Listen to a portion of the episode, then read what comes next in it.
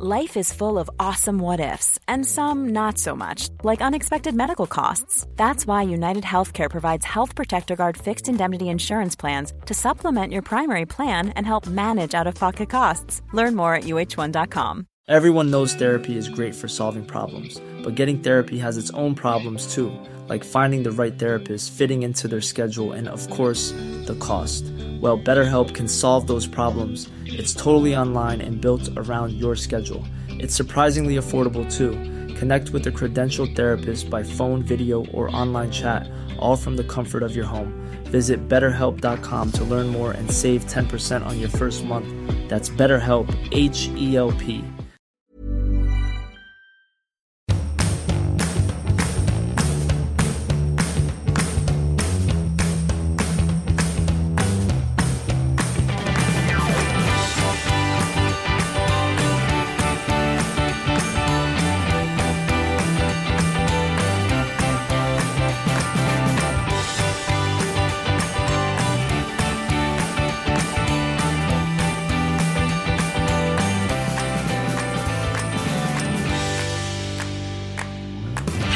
eller och välkomna till Lille Lördag med mig Johan Söderlund. Gumman, hur är det borta?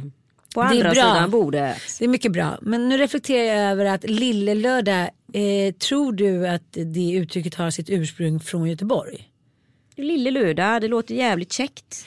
Jo men det är lite så här feskekörka så festar vi Lille Lördag. Fast jag har sett att eh, om man går in på hashtaggen Lille Ja. Lördag. Då är det väldigt mycket i Norge säger Lille Lördag. De flesta här säger ju Lilla Lördag. Jo, jo men det är väl liksom vårt uttryck Lille Lördag. Nej nej, alltså Lille Lördag är ju ett begrepp. Men de flesta säger Lilla Lördag eller liksom.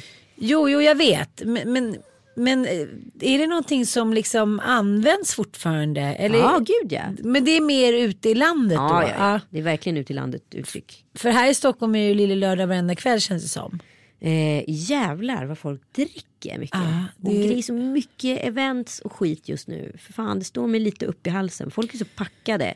Och ju mer pengar branschen har ju fullare blir folk tidigare. Reklam värst, sen tv, sen mode. Ja, Mm. så i den ordningen är det. Jag var ju moderator för eh, en konvent eller föreläsning eller samtal kring alkohol och eh, reklambyråer Ja, med Trygga Barnen. Och de historierna man får höra där, hur utfryst man blir om man inte ställer upp på att det så här, drinkvagnen poppar upp klockan två på fredag eftermiddagen. Om någon har liksom det okänsliga beteendet att kommentera så här, ska verkligen sätta sig och kröka klockan två en fredag, det är många som inte klarar av det. Men då är man ute. ja Och jag tycker det verkar vara så fortfarande. Gud ja. Men jag kommer ihåg den tiden jag jobbade på reklambyrå. Plus att jag var ju så här 20 någonting. Det var det roligaste jag kunde tänka mig när fredagsvinet kom. Då fick ju jag ju gå bli fri från receptionen och gå klockan ett för att handla grejer till fredagsvinet. Så köpte vi liksom ostar och kex och, och liksom hela inramningen eh, för 2000 spänn och så trevliga pavor vin liksom.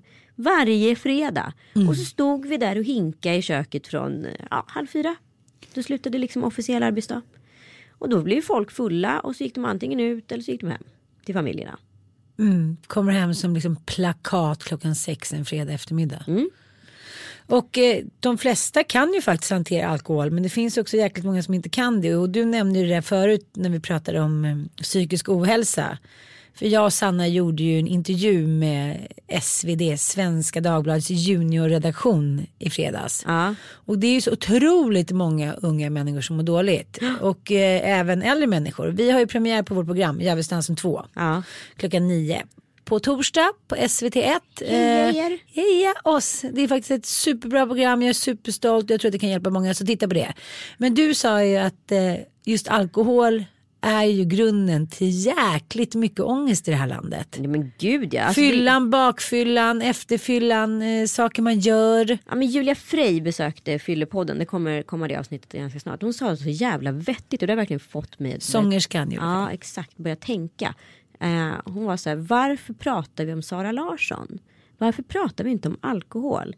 Utan hon hamnar då i intervjuer, eller folk hamnar i intervjuer, allt från Nyhetsmorgon, soffor till allt möjligt och pratar om vad Sara Larsson säger om Bråvalla. Eller vad som händer. Alltså så här, grunden är ju så här, folk börjar våldta varandra.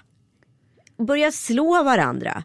Börjar vara elaka mot varandra. Dödar varandra. av fucking jävla alkohol. Och här droger. Ja, Men alltså den här kulturen i Sverige är så jäkla vidrig när det kommer till alkohol. För vi kan inte hantera det. Fan igår var jag på Kristallengalan och det som händer är då att man Den kommer... tv-sända galan för eh, inbördes för tv-branschen. Ja, branschen ska hyllas av branschens egna. Eh, Jag tror att folk vet det. Men, ja. ja, men det som folk kanske inte vet är att det är en förgala. Som börjar klockan sju. Så klockan fem är då kalltiden för att åka dit. Vi åkte dit så vi var där till halv sex. Det vill säga jag, Anja Lundqvist, Julia Duvenius och Ulrika Ellemark som är, alla är med Mammor. Vi åkte dit klockan, ja vi var där halv sex. Och då är det liksom tar det lite tid innan man kommer in, man ska skriva in sig, sen ska man vad heter det, lämna in sitt påse eller sina grejer i garderoben och sen så ska man gå och röda mattan. Och när man är väl inne så är klockan sex ungefär. Eh, Och då har man dragit i sig kanske två till fyra glas. då är de människorna som har varit där från fem, hängt på låset, de har ju dragit i sig kanske, ja jag skulle nog kunna säga, du vet det, champagneglas. Det är bara det som var. Alkoholfria alternativet var inte superpopulärt. De fick öppna flaskor, såg jag hela tiden. Och visste inte riktigt var de fanns. Mineralvatten. Eh, så folk har då hinkat i sig kanske fyra till sex enheter bubbel. Innan de går in på den så kallade förgalan som börjar klockan sju. Så här drar ju liksom middagen igång. Här går ju folk all in och här börjar festen. Så när den riktiga tv-sända galan börjar klockan 20.00. Då är folk vid det här laget så fulla va. Så att det är, folk kan inte koncentrera sig, folk går rakt ur bild, folk kan inte sitta still på sin plats och man märker liksom att tv-mannen, den store studiomannen Henrik von Zweigbergk lite har gett upp. Han här, ja nu är det två minuters break och det är ju två minuter. Det är inte fem minuter och man går inte in i bild. Men ni får väl göra vad fan ni vill för vi vet att det inte är någon idé att försöka styra det här skeppet liksom. Och jag bara så här, jag blev så här, jag åkte hem halv ett och då var jag ändå väldigt sen i mitt gäng. De allra flesta åkte hem ja, en halvtimme, timme innan mig. Eh, men då hade ju folk liksom varit kvar till fyra, fem på morgonen. Det var ju helt bisarrt. Ja, så nu blev vi lite moraltanter. Men man kan ju också säga så här, varför måste de då ha den där fördrinken? Exakt, och den har, ju varit, den har ju varit väldigt kontroversiell olika år för att eh, ibland, vissa har ju kattat den helt. Då har ju folk varit helt, alltså bananas. Och varit så fine! Och då har de sprungit, det finns ju, det, alltså ute på Stockholmsmässan finns det ju några liksom restauranger och hotell och barer. Så det har ju folk sprungit dit och bara hinkat. Alltså det här är så konstigt med tv och alkohol. Och jag märker det när man inte varit i så här tv-branschen på några år aktivt. Alltså så jävla lätt att bli hemmablind i den branschen eller fartblind. För när man liksom är på studiebesök där igen, man bara så här shit pommes frites, jag har inte krökat så här hårt eller jag har inte sett det här tempot runt mig på väldigt länge. Men okej, nu släpper vi eh, moralväskan och Absolut. pratar lite om eh, det här tv-sända tv-priset Kristallen. Exakt. Ehm, ja, säg vad man vill om det. Alla branscher behöver en egen gala tycker jag. Så är det ju. Ja, jag tycker det är skitkul. Jag var inte där i år. Jag bara kände absolut inte för att gå dit höggravid. Men alltså jag kan tycka så här, varför gör de inte som Emmys? Förstår du att de skulle typ göra det på Globen istället för Stockholmsmässan. De Det som- var det på Globen förut. Ja, de som vad heter det, är liksom vipparna. Alltså det är de som är nominerade, det är de som är liksom superkändisarna etc. De ska vara, liksom sitta i manegen eller vad man ska kalla det för. Sen sitter alla produktionsbolag och alla tv-kanaler olika våningar upp och har sina privata fester. För då behöver inte det störas, själva liksom det som sker i rutan. Bra idé. Eller hur? Jag tycker det är så otroligt otacksamt. Nu har jag ju faktiskt varit programledare för Kristallen. Har du? Ja. När fan var du det? Vilket vidrigt jobb. Googla. Googla. Vilket vidrigt Jag jobb säger jag. Nej, jag var så snygg så. Ammande som vanligt och något löshår som var liksom helt enormt och guldklänning och nej, väldigt, väldigt fint faktiskt. Var det du själv? Det var jag och Rickard Olsson. Åh fan, för Mm. Ja, precis. När då? Nej, för femman. Det var när jag jobbade på femman. Det är jättelänge sedan. Ja, ja gud, det är väl eh, nio år sedan. Ja. Men då var det så att det var två programledare från varje kanal. Nej, en programledare från varje kanal. Ja, Och men nu kommer jag ihåg. Tycker jag också är en underbar idé. Underbar idé. Väl, ja. Jag tyckte i och för sig att Karina eh, Berg och Kristin Meltzer gjorde ett jäkla superjobb. Och det var jätteroliga inslag. De hade gjort så här Lyxfällan på 80-talet och så här, eh, Ex on the beach från 1930. Det var jätte, jätteroligt.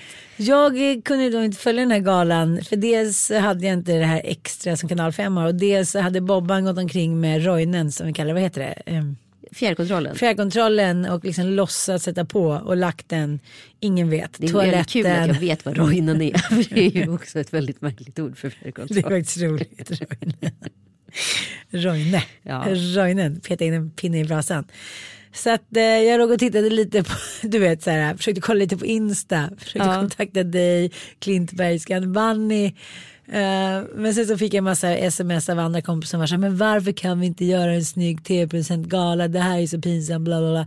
Men, men man måste också veta förutsättningarna för att göra en bra gala. Liksom, ja, de är inte helt lätta där ute ska jag säga. Nej. Nej. Så tjejerna var bra, det hade jag inte förväntat mig något annat. Eh, jag träffade ju Me- fröken Meltzer på en fest här om veckan.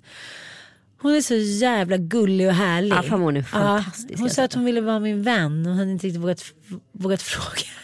Jag bara, jag bara, men jag vill vara din vän. De kan ju poka dig på Facebook om inte annat. Ja, men hon och jag skulle kanske vara, kunna bli bra kompisar. Ja, absolut. Ja. Jag känner att jag och Carina Berg skulle också kunna bli jättebra kompisar. Åh, vi kanske ska bjuda in dem till podden. Gud, det vore ju jätteroligt Ja. ju. Ska vi göra det? För Ja, känns- det gör vi fröken. Ja, det gör vi.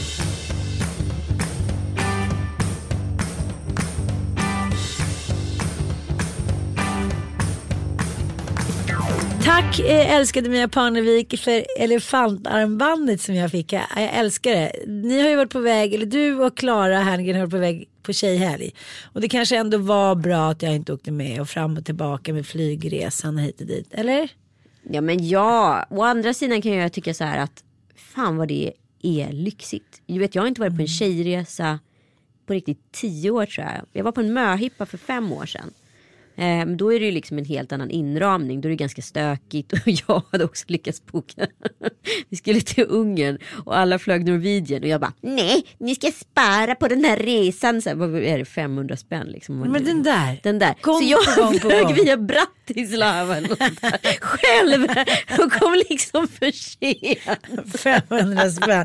Som du också brände på flygplatsen på så här Exakt. deppgrejer. Du bara, jag köper den här Chanel-väskan för 26 000. Men, alltså jag orkar inte. Nej men nej det var bara så Jag här. vill ha en Chanel-väska av Nej, dig pushpresent. Ja, En pushpresent. alltså Ann du är så dyr i drift. Hur som helst så var vi hos Mia och vi fick alla ett sånt där armband var. För vi är matriarker. Ja, det är klart. Vad korkad det är. Ja, men, Superfint så vi har liksom en liten egen klubb nu. ja. Det har varit liksom så jävla lyxigt. Jag- I vanliga fall hatar jag transport. Men fått sitta och prata med sin väninna i sju timmar utan att bli störd. Vi älskar ju också då, jag och Klara, att spela kort. Det är det bästa vi vet. Nej. Så vi sitter ju och spelar visst. Vi höll på med så här flyget till USA på grund av denna visst. Ja, det kanske var bra att inte jag var med. Ja, nej men att man får den accessen. För oftast när vi ses så ses vi antingen i ett större sammanhang eller så ses vi och en spontan eh, middag och då är vi kanske tre, fyra kompisar som alla liksom har fått en lucka i kalendern och går ut och ses. Men då har ju alla så laddade och måste liksom komma med sina ämnen eller sina det man bär på just där och då. Så då blir det ju väldigt varken hackat eller malet på något. Eller så är barnen med och då blir det ju liksom halva meningar, det vet ju alla. Men att få så mycket tid, det var så lyxigt. Att bara få sitta och prata och tystna när man vill tystna och prata när man vill prata. Och så pågick det i sex dagar. Alltså det har varit som Alltså det har varit som en liten, vet den här bubblan som är när man får en bebis. Ah, Fast det har varit så i kvinnoland. Där alla liksom är sina egna, vi är färdiga, liksom, vi är vuxna. Men vi har samma så här, sorger och glädjor, eller glädjer som vilken liksom, människa som helst. Men oerhört så befriande och landande på alla sätt. Jag känner mig som helad på Ja, men vad härligt, vad glad jag blir för din skull. Men jag tänker också att så här, tjejhelger, de är så otroligt så här, tidlösa. Om man skulle slunga tillbaka er sex som var där tusen år i tiden. Ja. Och sätta er så här i Aten instängda liksom på någon bakgård. Då skulle ni ha samma glädjeämnen och sorgeämnen som man har nu. Exakt. Det är därför det är så genialiskt med tjejhelger. Ja. Det är svårare för killar. För jag kan, nu är ju Mattias killgäng det mest känslomässiga, mogna killgäng jag någonsin har träffat. Jag blev liksom chockad. När, när hans bästa kompisar höll tal till honom blev jag så här. men det här är inte det här är inte på riktigt. Hur kan de se helhetsbilden för en man eller människa på det här sättet som typ de flesta som jag, kvinnor som jag känner inte ens skulle. Så där kanske jag inte riktigt kan jämföra men jag tycker ofta när man pratar med män eller killar säger så här, ah, men ni har varit på killhelg, har ni pratat något liksom om oss eller hur relationen, vi har det jobbigt så här. Nej, nej, nej, men det, liksom, det gör man inte.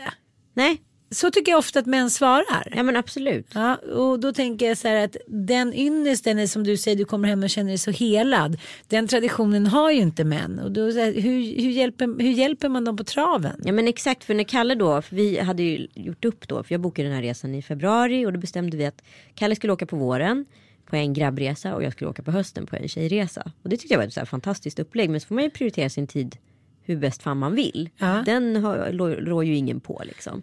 Och då väljer Kalle att åka torsdag till söndag och då drar han till London med sina, sitt grabbgäng. Och vad gör de? Då är det tre singelsnubbar i det här grabbgänget. Så de är ute och krökar och de är på fotboll och Kalle går hem och lägger sig tidigt på hotellet och orkar liksom inte med den här ragghetsen och bara så här, äh, gud vad tråkigt. Eh, så att han har en ganska tråkig, om en rolig Ja men första kvällen då är det ju alltid, då är alla liksom på gång, nu är kompisarna, då kan man ju ro hem vad som helst. Ja. Men det är sen man känner sig utanför tror jag. Ja men exakt, ja men första kvällen är alltid kul och sen så liksom aktiviteten då, fotboll, då är det ju kul. Och sen så börjar det bli uppsluppet men sen så från 12, det är lite som att bli gravid här. Om du är, om du är i en relation och du går ut med dina singelkompisar, då blir det lite som att vara gravid. Helt plötsligt är det några som hoppar på ett tåg och du står kvar på perrongen. För då börjar det liksom blickas över axeln och kolla in henne, kolla in honom, bla bla bla. Och sen så sitter man där och bara, "Ha, ja men då går jag och lägger mig då. För man är liksom verkligen femte hjulet. Men ni verkar ju kört en riktig goshelg. Du skickade någon bild. Jag fattade inte för senare eh, när jag faktiskt träffade Penny, inte Schulman, utan Penny Parnevik på... eh, Ja hon var ju hemma. Ja, hon var ju hemma. Och Phoenix och Filippa var hemma. Men Penny hängde ju med oss, tant i luror. Ja, hon sa det också. Ja. Och Peggy fyllde år så Penny flög till Peg för att fira henne. Alltså hon fl- flög med mig och Klara hem. Jaha, okej. Och vi delade taxi då och sen så släppte vi av henne sist och så, så var Klara geniet kom på att så här, du kommer in och serverar henne ett glas vatten så hon inte så här, ser riktigt att det är du. Så gick hon bakom Mia, ni såg väl den här filmen? Och så skulle hon servera Peg ett glas vatten. Men så Aha. såg ju Peg helt plötsligt att det var hon och bröt ihop och jag grinade så mycket när jag såg den här filmen. Men vad kan man se den filmen? Men gud, du får kolla på Instagram. Ja men hur som helst. Så att eh, när jag skulle då sitta med panelen på Nymo då var de där. Och Bobban var också där för Nymo är då Nyhetsmorgon. ja, på TV4. Mm. Och eh, Bobban var med. Eh, nedkissad blöja. Det var Cissi Wallin mycket brydd över. Aha. Åh den här blöjan. Hon var så orolig när han gick iväg och sådär. Jag sa, men Bobban kommer alltid tillbaka. Det är ingen superbig att han går i den här korridoren. Han kan inte ta vägen någonstans. Det är låst överallt. Då märkte man också skillnaden på ett och snart fem barn. Exakt. Ja. En dör. Men tänk om jag har blivit för cool. Du har ju inte fem barn än. Jo. Fyra har du. Ja. Nej men vadå, det är klart att det kan hända. Men det är ju så. Du måste, det är ju den principen du måste utgå ifrån ifall alla ska överleva. Eller om ingen ska överleva. Nej, hon var så här, åh gud jag kanske ska byta blöja. Jag bara, men jag ska gå in och göra, jag tar det sen. Liksom. Och nu, åh, jag måste gå och kolla efter dem. Ja, jag kolla efter dem där. Alltså, allt från så här, ja. Det finns risker där ute men, men eh, inlåst på TV4 kanske inte är det största risken. Men då fick i alla fall Penny rycka in Ja. och vara barnvakt till Bobban och det gick så bra så.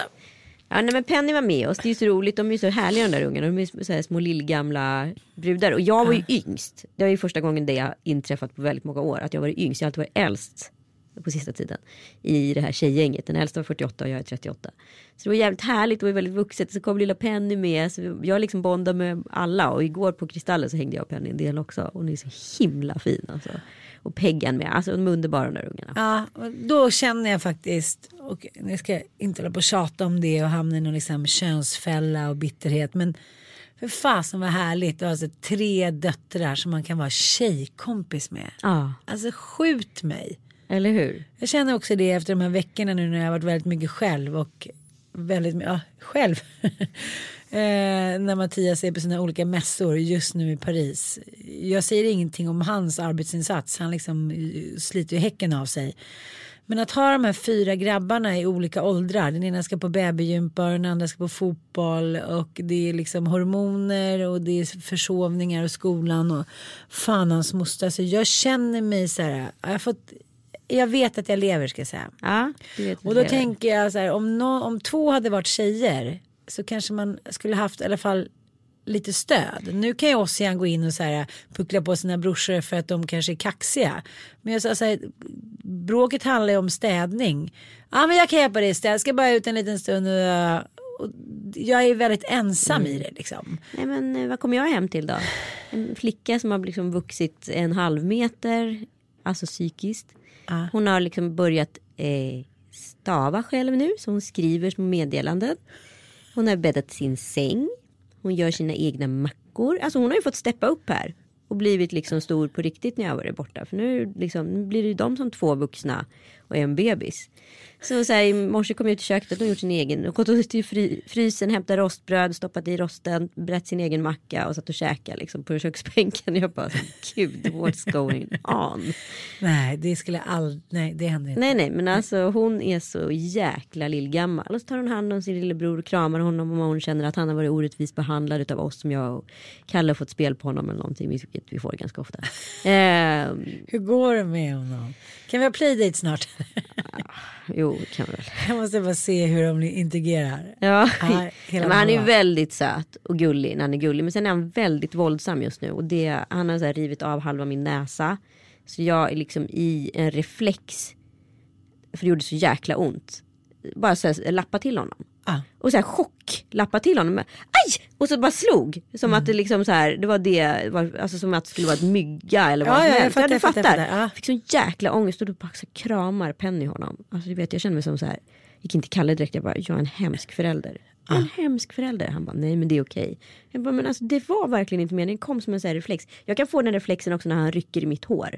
Här Riktigt hårt om man inte är beredd. Då kan man också få så här, stöta bort eller liksom, det kommer ju bara.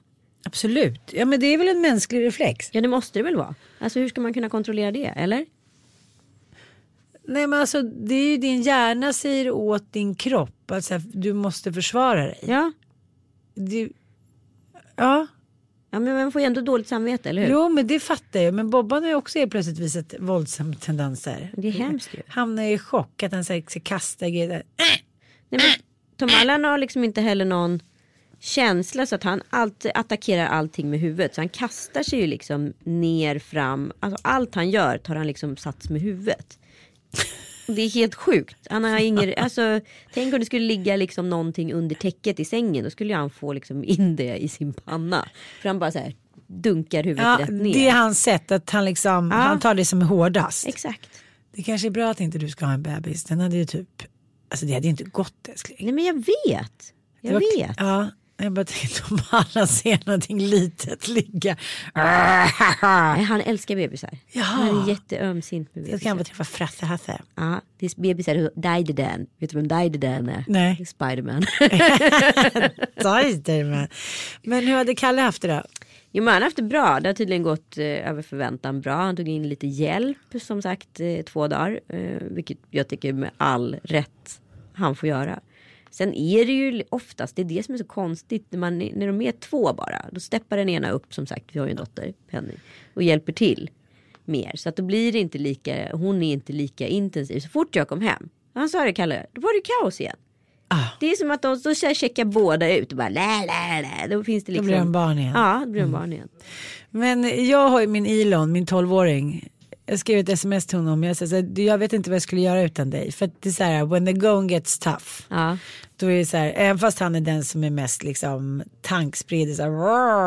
Men när han märker att det är så här, ja, men det är fara på taket, då steppar han upp. Okej, jag tar Bobban, han går till dagis, han liksom styr upp, han hjälper till, han handlar. Medan liksom, den där tioåringen, alltså jag håller på att bli tokig på honom. Jag håller på att bli riktigt tokig på honom. Alltså. Ja. Han är också så här att han, ska, han ställer väldigt mycket krav på mig. Hur det ska vara med mat och liksom hur jag ska vara hit och dit. Men han tycker inte att han behöver så här motprestera överhuvudtaget. Så drar han också upp pappakortet. Hemma hos pappa är det så roligt. Ja, vad gör ni då? Ja, det, vet- det vet man inte. Men det är så roligt. Och det, han lagar så god mat och bla bla. Han sov ju hos Sanna och Micke i helgen. Och Sanna ringer och bara, men alltså vad ska jag göra? Liksom, hur överlever han ens? Men då har hon gjort korvgryta med ris. Ja. Och liksom, hon vet ju hur han funkar. Men jag förstår att man inte orkar göra så här 19 rätter till sina kompisars barn. Nej, men verkligen. Nej, men då har hon gjort korvgryta med ris. Han, Dante vill ju inte ha såser. Såsen måste vara vid sidan om. Ah. Så då eh, vill han kan inte äta korvgrytan. Och sen är det eh, ris då med svarta pluttar som man uttrycker det. Jaha, Och då, nej men över hans döda kropp. okej. Så att eh, oklart då vad han har käkat de här 36 timmarna. Men han har väl hittat någon gammal chipsbit eller någonting. Så han kommer ju hem, för då ska ju de på bröllop. Så då tar jag över hennes ungar.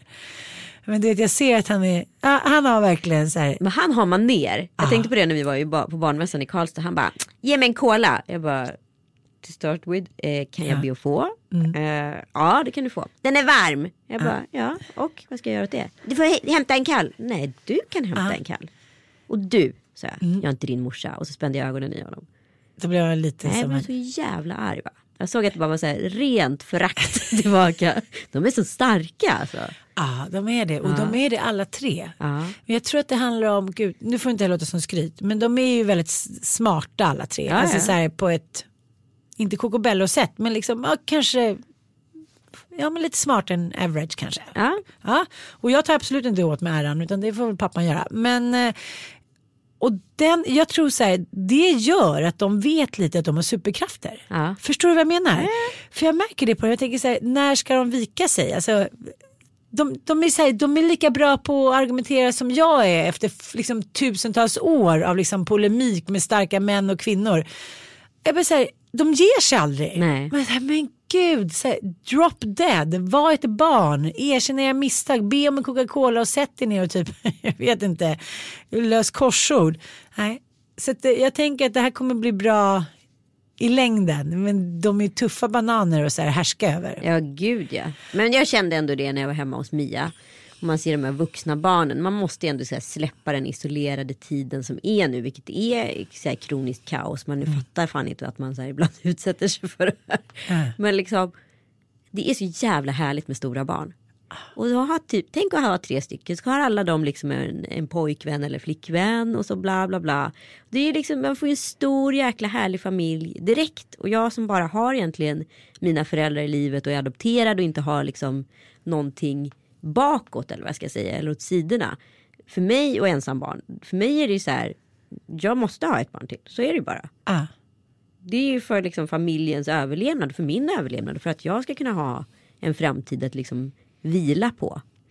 Men jag tänker också det där att när man, jag la ut på Instagram igår när jag kände mig som allra mest bitter och trött. En liten hyllning till alla ensamstående föräldrar. Jesus vilken respons. Ja. Dels massa liksom kärlek men dels också så här vad tungt folk har alltså. Och jag bara känner mer, och det var någon som också nämnde att du och jag hade pratat i någon podd att du hade tyckt det varit jobbigt och du tyckte att man skulle ha barnflicka hit och dit.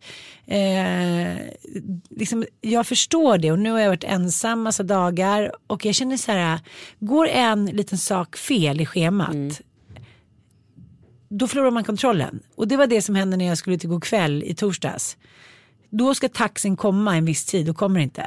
Som är förbeställd. Och då ringer jag till det här jävla taxibolaget, ursäkta 020 20 20 20 20. Hej, vi har så mycket att göra nu, ring appen. Jag bara okej, eh, Bobban är på dagis eh, så att jag tar ju min egna bil i sista sekunden. Och då är det som att det är bara till till huvudet. Jag liksom går iväg med nyckel och kort, vet inte vad någonting är. Liksom, allting är bara borta. Jag minns ingenting i huvudet. Nu står det liksom en jävla bil på Bromma Blocks, förmodligen botad 633 gånger. Kortet, ingen aning om vad det är.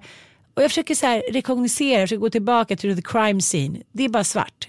Hela den dagen liksom, tills jag kommer till god kväll är svart. Förstår du? Där, Varför bokar du in god kväll när du är själv? ja, men det var ju förgäves dansen. Ja okej. Ja men du förstår. Ja. Och sen upp på Nymo, liksom, det bara bokas ju på allt möjligt hit och dit. Och jag bara kände så här, där förlorade jag totalt kontrollen över situationen. Och nu har jag då inget kort och ingen bil så att jag har bett kom, liksom, då får Mattias så här, skicka pengar eh, via liksom, Swish som mina kompisar tar ut till mig. Och de tar men slut- alltså du är så jobbig. Ja men förstår du? Ja. Och då sa jag så här, nu är jag ju chanslös till Mattias kommer tillbaka. Jag hinner ju liksom inte hålla på och pula med att åka och boxera bilen och bla bla bla. Jag bara kände så här, och sen hela helgen så har det varit gympa och fotboll och bla bla bla. Jag var ett sånt vrak igår. Jag bråkade så mycket med barnen så att Bobban till slut hade på sig simglasögon. Så inte var han har hittat dem i någon gammal låda. Ögonen mamma, ögonen. Och han var liksom helt besatt av de här rosa ögonen. Han skulle ha dem när han åt, han skulle ha dem bara när han gick omkring. Och jag försökte liksom, de åkte ju ner och av och han blev tokig. Ögonen, ögonen. De var helt igenfuktade. Han satte som ett stort eller jag vill inte ens säga vad han såg ut som. Men han, det var förmodligen hans bråkskydd. Ja. Nu hade han så här, nu orkade han inte höra brorsorna och mamman tjafsa och bråka om städning och vem som skulle iväg och vad som skulle ätas. För det som händer när man inte har tid att samla alla det är ju att allting blir ofokuserat. Då kommer någon, men jag är inte hungrig nu, nej okej, eh, men nu ska jag iväg och hämta honom. Ja men eh, nu är jag hungrig, ja men ta en hundring då. Ta, alltså, det blir liksom, de ut, de äter upp en. Och så sån där, du får ju skylla dig själv om inte det var och där tänker jag att en tjej skulle varit mer stöttande. Mm, absolut. Var så här, okej definitivt. mamma, jag fixar det här. Det, så blir Ossian också, men då slår ju han sin brorsa. Och då blir det, du ska ha respekt för mamma. Jaha, men då ligger han där och skriker. Det är så kontraproduktivt, men jag förstår att han kanske från början vill väl, vi nu får vi hjälpa mamma. Men då blir de osams och slåss och sen blir Ossian sur så drar han ut fast han skulle hjälpa till att städa. Alltså till slut sitter man där och bara, jag orkar inte så sekund till och det ringer Mattias och ska vara så här, åh jag har det så jobbigt på mässan. Jag är så här, andas, andas an, andas an. För jag vill ju bara skrika så här, men håll käften, du kan ta din jävla mässa och stoppa upp dina lampor i arslet. Jag vill aldrig mer se dig, hej då. Det vill jag ju skrika. Ja, bitterheten. Ja, tio gånger om dagen vill jag ringa och skrika det till honom. Bitterheten. Ja, istället skickar jag så hjärtan och svarar inte om han ringer. Jag tänker så här, ja men jag vet. Snälla håll den på halster, halstraren. Bitterheten. Men det går inte att komma ifrån. Nej, Människan är född för att tycka synd om sig själv. Det är synd om människan som Strindberg sa och det är faktiskt det. Och det är också responsen på Insta där om ni går in på min Insta och kollar på mitt inlägg där till ensamstående mammor. Att, alltså alla kämpar på men det är lätt att hemfalla åt bitterhet. Alltså. Sömn, Nej, städning. men alltså, det är, alltså föräldraskapet har jag insett är en tävlan i marginaler. Att eh, jag och Kalle pratar om vem som sovit mest, vem som sovit bäst, vem som sovit längst, vem som sovit kortast, vem som lagar mat, vem som handlar mat, vem som gjorde Gör vad gulliga grejer tycker Kalle också är väldigt viktigt. Vad sa du? Vem som gör de gulliga grejerna Vem som tycker gör de Kalle. gulliga grejerna. Alltså det handlar om en tävling i att vara bäst. Mm. Utan att bli bitter. Och det är en ohållbar ekvation. När man liksom lever i ett kroniskt kaos. Man får inte glömma bort att jag sa till Kalle så här. Han bara du ligger i sängen halva fredagen eller halva lördagen om det var någon he- långhelg. Jag bara så här. Vet du vad? Vet du hur mycket jag jobbar? Och när jag inte jobbar så är det fullt liv hemma hela tiden. Jag måste lära mina barn att löka för annars kommer inte jag överleva den här liksom barndomen. Jag har 19 år på mig och kanske mer att ha de här människorna hemma. Jag kommer göra en jävla massa fel på de 19 åren. Jag kommer också göra en jävla massa rätt. Men utan att få möjliggöra för att göra fel, då kommer jag gå sönder. För då kommer jag bli bitter. Och jag vägrar bitter. Och jag känner att den ligger så nära där hela tiden. Och vad sitter man då? I parterapisoffan och pratar om? Bitterheten. Åh. Men det är där jag tänker att, jag menar, jag tycker alla ska hamna i parterapisoffan för just inse att det finns inte så jävla mycket att vara bitter för om man arbetar tillsammans. För att om man då kanske är ute och festar eller liksom missar någonting eller or- inte orkar eller blir sur för någonting, ja men då, man är ju bara människa. Men det är det jag menar, om jag hade hemfallit åt, åt min bitterhet all the way de här senaste veckorna, nej men då hade det ju typ varit slut nu. Ja. För så ofta som jag nu typ vill ringa och förklara hur jobbigt det är och hit och dit och så ringer han nu i morse och säger att han knyckigt lite på huvudet. Ja, men jag säger fortfarande, jag vidhåller det. Och det är, så här, det, här, det är det här någonstans det har gått fel på 70-talet. För att helt plötsligt har då att ha en syster i hemmet eller ha sina föräldrar i hemmet eller att ha en hemhjälp eller att ha en barnflicka eller etc. Har det liksom sammanfallit med någon typ av klassförakt. Och det handlar ju inte om det. Det handlar om att familjens överlevnad handlar om att ta hjälp. Och hur den hjälpen ser ut, om det är din, liksom din 17-åriga liksom halvsyrra eller om det är en anställd, det är skitsamma. För folk måste ta hjälp för att inte bittra ihjäl sig. Å andra sidan så kanske inte tvåsamheten är den absoluta lösningen för all framtid heller när vi är så pass sekulariserade.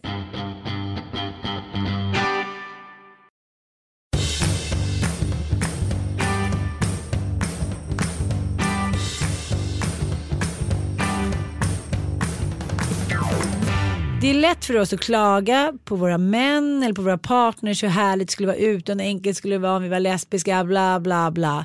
Men sen när jag läser Pernilla August intervju igår i DN eh, när hon säger, ja hon har ju regisserat då Den, den allvarsamma leken Förlåt. som handlar ja. Hon har ju producerat den allvarsamma leken som har då någon förpremiär ikväll och eh, hon säger så här alla situationer i filmen då om otrohet och någon lämnar någon och yngre och äldre hit och dit. Det har jag själv gått igenom. Och då tänkte jag att det blir så tydligt där när jag sitter, då satt jag faktiskt och fikade själv för Bobban sov. Att jag sitter och längtar efter mannen jag älskar och känner mig ganska halv. Jag känner mig väldigt sårbar. Eh, känner mig liksom väldigt beroende och jag har svårt för den känslan. Så tänkte jag så här, okej okay, men omfamna den istället då. För till syvende och sist hur mycket vi klagar och bitterhet så handlar det bara om att man så här, vill bli älskad av den man älskar. Ja. Och det är också så himla, det pratar ju du om nu när du är i USA, att du längtar efter Kalle och man liksom sänker garden. Jag vill bara vara med dig och våra barn. Ja. Det kanske finns en anledning till att tvåsamheten ja, nu menar inte jag vilket kön men det kan vara ju lesbisk eller liksom, eh, ja, homosexuell. Liksom, hur, men tvåsamheten är ju en fungerande konstellation. Ja, det är väl också därför man åtrår så mycket och det sårar den så himla mycket när det inte funkar. Men det är ju speciellt att inte kunna dela någonting med någon. Det känner mm. man ju när man är borta. Sen, vi delar ju det här nu i en liten kvinnoklubb där jag har varit med om där borta. Och det är inga stora grejer men det är liksom fantastiska grejer. Det är liksom ett lugn. Jag kan inte förklara det men det är som bubblan. Liksom. Ah. Gravidbubblan. Eh, och inte kunna dela det med den man älskar är ju väldigt speciellt. För att den inte har varit inkluderad i den bubblan. Eh, och jag tycker att så här, tvåsamheten är en fungerande konstellation. Men per barn ska man nästan tänka en vuxen. Förstår du? Man, när vi två bara hade Penny. Då var det ju väldigt lätt jämförelsevis med nu. Så romantiskt. Så romantiskt. Ja, men och nu är det ju en person på ett barn. Och ju mer, varje barn som kommer in, ju, då får man nästan tänka att det ska in en stor person till. Om det är ett syskon till det barnet så räknas ju den personen och så vidare. Alltså ett äldre syskon. Mm. Men det är ju jävligt tufft och man måste ju så inse det istället för att vara så jävla tapper och stolt. Och stoltheten kan ju verkligen förgöra de liksom heligaste krig. Stolthet och fördom. Ja, det är stolthet mm. och fördom. Fan vad hon visste vad hon skrev där, Jane Austen. Men jag tänkte på min en av mina bästisar Frida, hennes man Urban har ju varit pappaledig nu. Mm. Och han skrev så himla bra inlägg på sin Facebook. Han det var heter, otroligt bra. Ja, han heter Urban Bargo om du vill gå in. Och nu hade så här amerikansk radio ringt honom. Eh, jag lägger även ut eh, inlägget på min blogg på familjeliv.se och där har Anita också en blogg. Ja, det kanske ni vet. Nu gör väl lite reklam. Men han skriver det också hur han har sett sig själv utifrån efter att ha varit pappaledig nu i, vad var det, åtta månader? Mm. Ja. Hur liten han har känt sig som människa och samtidigt stor för att liksom det har betytt så otroligt mycket för honom. Men när han också inser att han har tyckt att han har varit liksom Sveriges mest jämlika man och det tycker vi runt omkring dem också. Att så här, gud Urban, så fantastisk. Mm. Mattias håller alltid på så här, men gud hur ska man kunna leva upp till Urban, bla bla bla. Men det här att det är så många, ursäkta inom parentes, Karla-slokar som tycker att de är så jävla jämlika. Kanske för att de drar in lite mer cash eller för att de så här, hämtar på dagis lika många dagar i veckan. Men den omsorgen och den liksom totala fokusen många kvinnor har. På barn, man, skola, bla bla bla. Allt det som sker i fördolda. Liksom, det har inte hänt särskilt mycket sedan 1833. Och han skriver om det så jävla bra tycker jag. Ja, Ja, otroligt du läste det också. Vad är din analys? Nej men jag vet alla de männen som har varit, eh, som jag känner som har varit föräldralediga länge. Alltså tagit hela liksom, den stora kakan utav föräldraledigheten. Det vill säga nio månader och så har mamman tagit den lilla biten innan barnen börjar på förskolan. Eh, de har alla behövt gå i terapi efteråt. Nej. Jo. För att de har blivit psykiskt utmattade. De har känt sig små. Män är också väldigt, som jag upplever det, eh, mycket mer mål och resultatinriktade oavsett jobb. Så att de behöver en chef som säger att de är bra. De behöver en kollega, de behöver ett sammanhang att dela. Men jag tror liksom att män har ett större behov att vara i en grupp än vad kvinnor kanske nödvändigtvis har. För vi liksom kan lösa, alltså där tror jag liksom biologiskt stammen fungerar olika. Alltså kvinnor är ju är de som plockade nötter och tog hand om hemmen under tiden männen jagade i grupp. Och där tycker jag att jag ser den radikala skillnaden. Att sätta liksom ett man som en bärplockare i, i grottan. Och vi kvinnor är ute på steppen och jagar. Det händer någonting psykologiskt i mannen som är jävligt svårt för dem att hantera. För de blir inte sedda. De får ofta ingenting tillbaka för att det här barnet kräver och kräver. Och, Och det ta är för givet. och ta för givet. Ja. Och det är som ett litet, litet, litet lejongap och bara kasta in kärlek och så kanske man i bästa fall får ett leende tillbaka. Men när man kommer hem och ska dela den historien om det leendet, då är kvinnan någon annanstans för då är hon i sin jobbfokus-era. Liksom, och inte alls respekterar. Och då kommer den igen, bitterheten. Ah. Som ett brev på posten. Så alla männen som jag känner har faktiskt gått i terapi efter sin pappaledighet.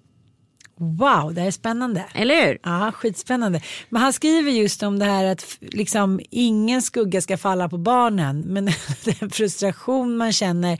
Och sen så kommer liksom partnern hem då lite trött och vill också uppmärksamhet efter dagen. Liksom. Ja. Det är ju en helt omöjlig ekvation på pappret. Ja men det är det som är så konstigt. Därför kan jag inte skrika nog om det. Ta för fan in hjälp. Och gå också. Det här är ju typiskt män tycker jag.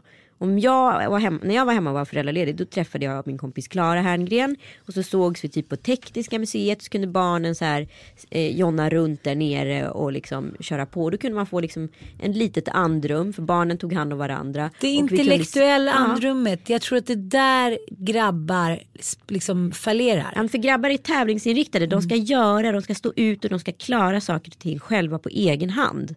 Under tiden vi kvinnor möts i grupp och gör det vi alltid gör med barn. Kvinnor och barn i grupp har ju alltid varit en homogen liksom, bubbla, eller vad ska jag säga.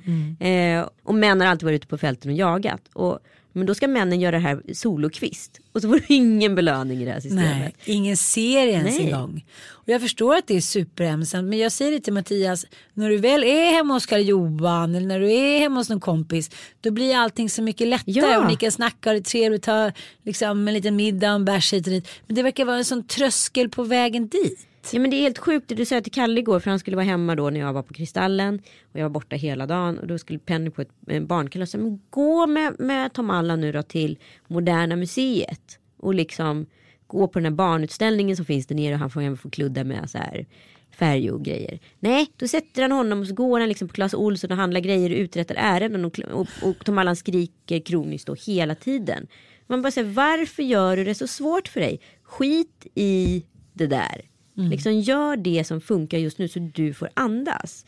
För det blir ett sånt liksom stresspåslag. Som man inte behöver. Men jag fick, jag fick en sån aha-upplevelse och jag känner som att jag har förändrat mig själv lite grann efter det. Du vet min granne som jag berättade om från landet i somras. Ja. När jag sa så här, men gud jag måste kanske åka, ska åka på det eller ska åka liksom med tjejerna hit och dit. Hon bara, men gud prioritera din relation nu. Ja. Jag var så här, "Jaha." jag menar inte så här, åh nej, lägg det ner och släpp allt annat. Men att man ibland istället för att liksom vara objussig kan vara bjussig. Eller bara inte vara någonting, bara vara tyst. Ja. Istället för hela tiden det där. Och jag känner liksom hur det kliar i mig. Jag vill bara skicka det smset och några gånger har jag inte lyckats. Att inte skicka, jag var så här. Ja men om inte du vill åka med då till Mallis då kan jag åka själv så kan du åka till Gotland. Och sen så hjärtat typ fast han vet så här. zzz, zzz, Ja, zzz.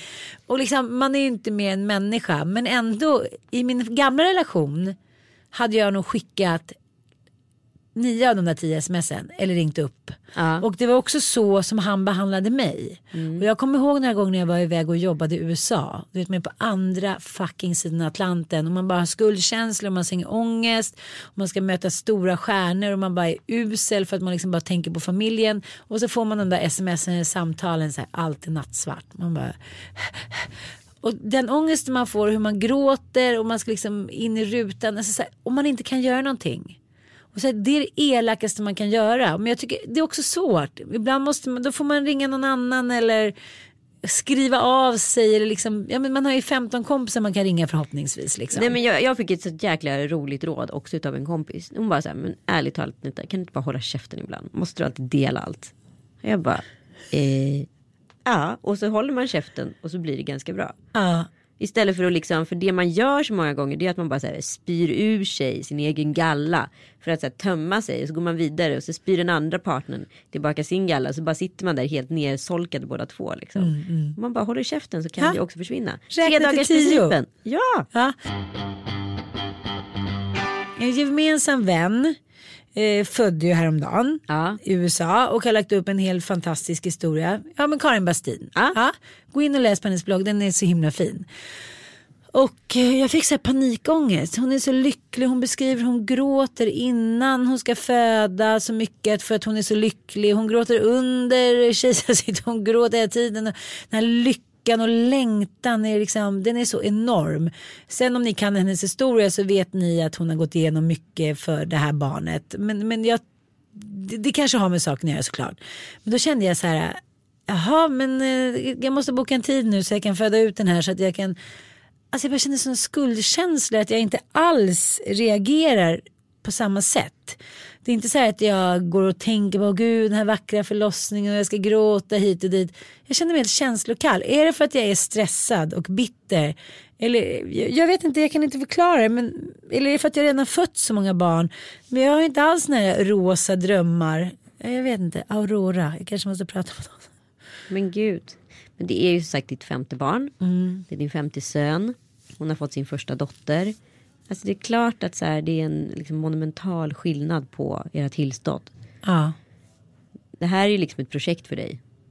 Nu vet ju du att du har så här, två år framför dig utan ungefär samma sak som det har varit Ja, nu ska jag, måste jag renovera, jag måste se till att det blir klart. Ja. Alltså det är mer som Ja, precis det är ett att, projekt för dig. att jag är en kossa som ska få en kalv. Ja, du ska, Ska bara se till att nu ska mjölken du inte börja bygga sinar. ut båset liksom. Jag tänker att jag måste tänka om. Jag tycker att du tänker helt rätt. För grejen är att det kommer ju bli så jävla härligt när den här bebisen kommer. För just nu är du ganska negativt inställd. Så det kommer ju bli en positiv grej. Jag är inte negativt inställd men jag inser. Det är praktiskt logiskt. Nu, ja och det kanske är första gången jag är det. Och Ja, det, det är som ju en mognadsprocess Ja och det är en chockartad inställning till mig. Att det inte bara är så här, jag undrar på allvar hur det här ska gå till. Ja. Det har jag sagt förut i podden. Jag känner mig liksom orolig.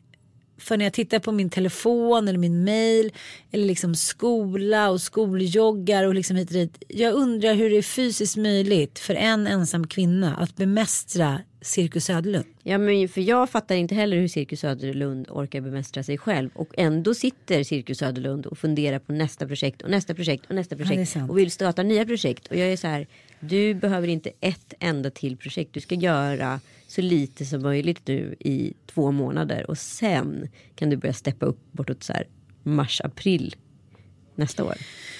Bra sagt. Vecka 33, vecka 33, vecka 33. Ja, Okej, nu nu ska handlar det om att du ska göra. Vi ska ju ha en, en stor livepodd. Ja, Eh, 7 december.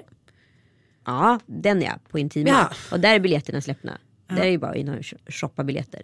Okej, en avslutning nu med den stora återkommande skandalen. på scen. Det är inte ens en skandal. Dels ska en väldigt känd programledare skriva ett svar på en, väldigt, en annan väldigt känd författarinnas bok som kom ut för några år sedan. Oj vad det blir lurigt att läsa ut det där. Ja, ja. Ja, jag tycker det är skitspännande Jag är och kanske quid quo pro bra. Ja jag är så pepp på det här. Herregud. Ja. Ja, men det pratar vi mer om någon annan gång. Och sen kan vi prata om Linda Lindorffs skrik under Kristallen. Ja. Jag tänker så här att Linda Lindorff hade undkommit så mycket smärta om någon hade kunnat säga till henne att hon kunde ta en, eh, Epidural. en epidural. Eh, liknande säga att om man inte vinner första året med ett format då kommer man aldrig vinna. För nu har hon i tio år Alltså Blivit besviken. Ja, fått hjärtinfarkt och gått därifrån och missat en rolig fest. För att Bonde söker fru inte vinner. Precis, men nu har hon gjort en grej av det. Ja men nu håller ju faktiskt Linda Lindorff på att bli Anna Bok. Nu börjar ju hon bli känd för att vara den som misslyckas. Förstår du? Eller blir besviken. Aha, liksom, okay, jag fattar. Ja, alltså det är jättehemskt. Jag tycker Linda Lindorff är jättegullig som person. Men det är ju dumt att börja profitera på att vara den missnöjda. Eller den sårade eller den. Det är ju en roll som hon har skapat sig själv.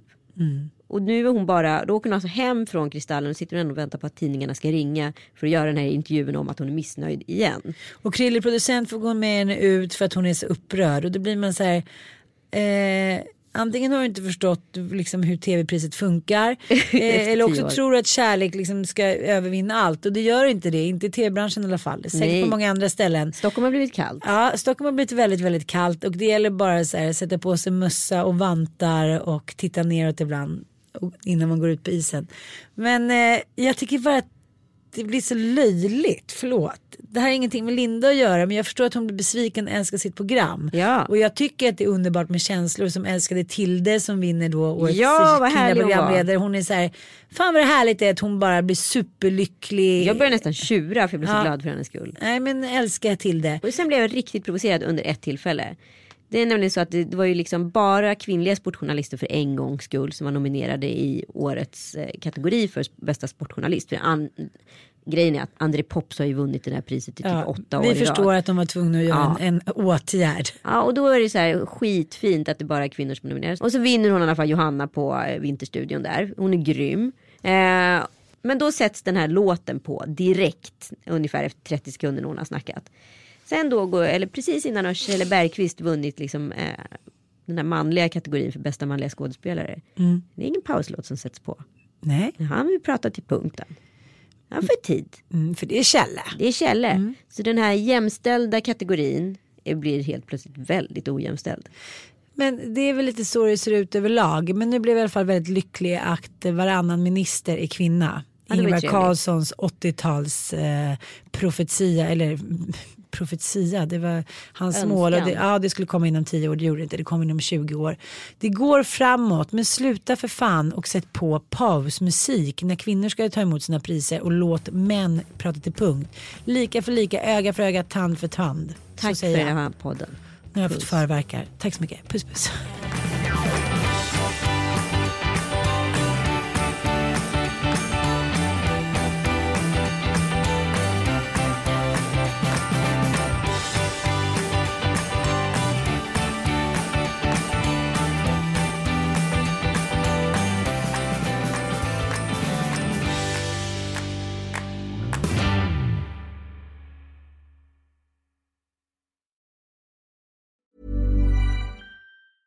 Hi, I'm Daniel, founder of Pretty Litter. Did you know cats tend to hide symptoms of sickness and pain? I learned this the hard way after losing my cat, Gingy. So I created Pretty Litter, a health monitoring litter that helps detect early signs of illness by changing colors, saving you money and potentially your cat's life. Pretty Litter is veterinarian developed, and it's the easiest way to keep tabs on your fur baby's health right at home. Go to prettylitter.com and use code ACAST for 20% off your first order and a free cat toy. Terms and conditions apply. See site for details.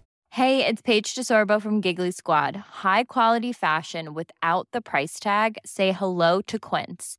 I'm snagging high end essentials like cozy cashmere sweaters, sleek leather jackets, fine jewelry, and so much more. With Quince being 50 to 80% less than similar brands and they partner with factories that prioritize safe ethical and responsible manufacturing i love that luxury quality within reach. Go to quince.com slash style to get free shipping and 365 day returns on your next order. quince.com slash style